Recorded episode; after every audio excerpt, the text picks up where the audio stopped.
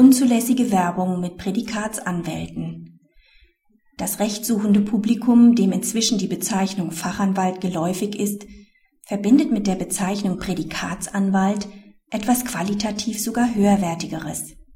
Die Vereinigung deutscher Prädikatsanwälte betrieb unter der Adresse www.prädikatsanwälte.de einen Suchservice zur Vermittlung von besonders fähigen Anwälten. Gegen eine monatliche Gebühr bot sie Anwälten an, in ihr Register aufgenommen zu werden. Voraussetzung für eine Mitgliedschaft waren ein Prädikatsexamen in der zweiten juristischen Staatsprüfung, mindestens fünf Jahre Berufserfahrung und eine Fachanwaltsbezeichnung. Die Rechtsanwaltskammer mahnte die Vereinigung deutscher Prädikatsanwälte ab und forderte diese auf, eine Unterlassungserklärung mit dem Inhalt abzugeben, es zu unterlassen, ein Internetportal zu betreiben, das Rechtssuchenden die Möglichkeit eröffnet, mit als Prädikatsanwälte registrierten Anwälten Kontakt aufzunehmen. Das Landgericht Regensburg sah hierin eine unlautere Werbung. Das Oberlandesgericht Nürnberg folgt der Rechtsauffassung des Landgerichts.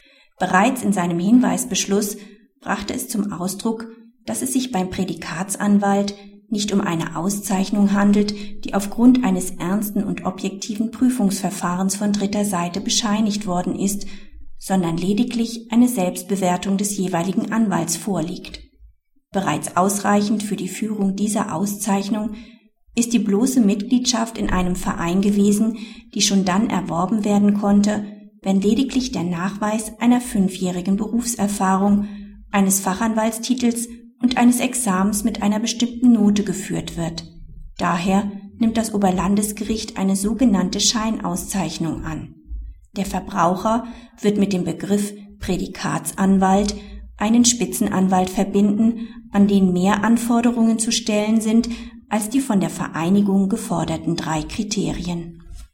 Unter einem Prädikatsanwalt wird das rechtssuchende Publikum jedenfalls nicht nur einen Anwalt verstehen, der sein Examen mit dem in Bayern gebräuchlichen kleinen Prädikat erworben hat, sondern vielmehr einen Berufsträger, der zu einer kleinen Gruppe von auch prüfungsmäßigen Spitzenjuristen zählt.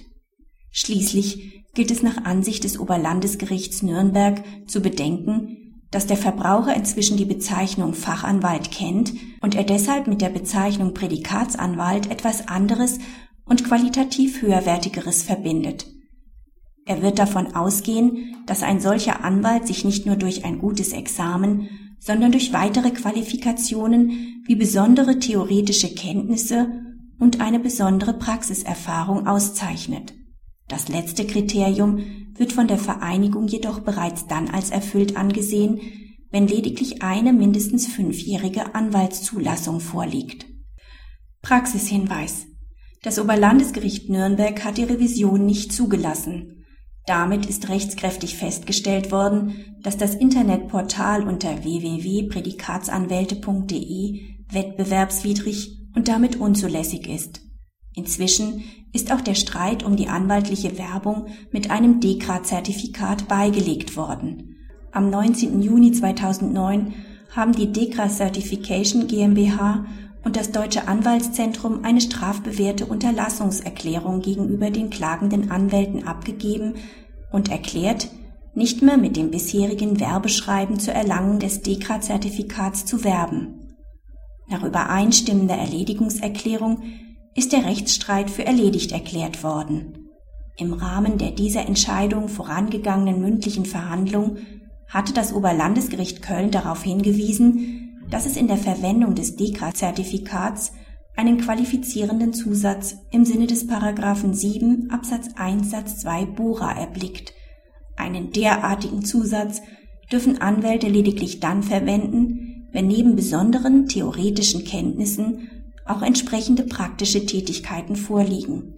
Das DEKRA-Zertifikat verlangt jedoch lediglich eine zweijährige Anwaltszulassung und keinerlei Nachweis praktischer Tätigkeit auf dem Fachgebiet, für das das Zertifikat erteilt worden ist.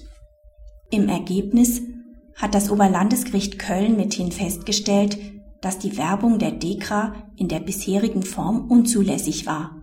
Voraussetzung für die Zulässigkeit der Führung eines Zertifikats durch einen Anwalt ist, dass dieser die Voraussetzungen des Paragraphen 7 Absatz 1 Satz 2 Bora erfüllt.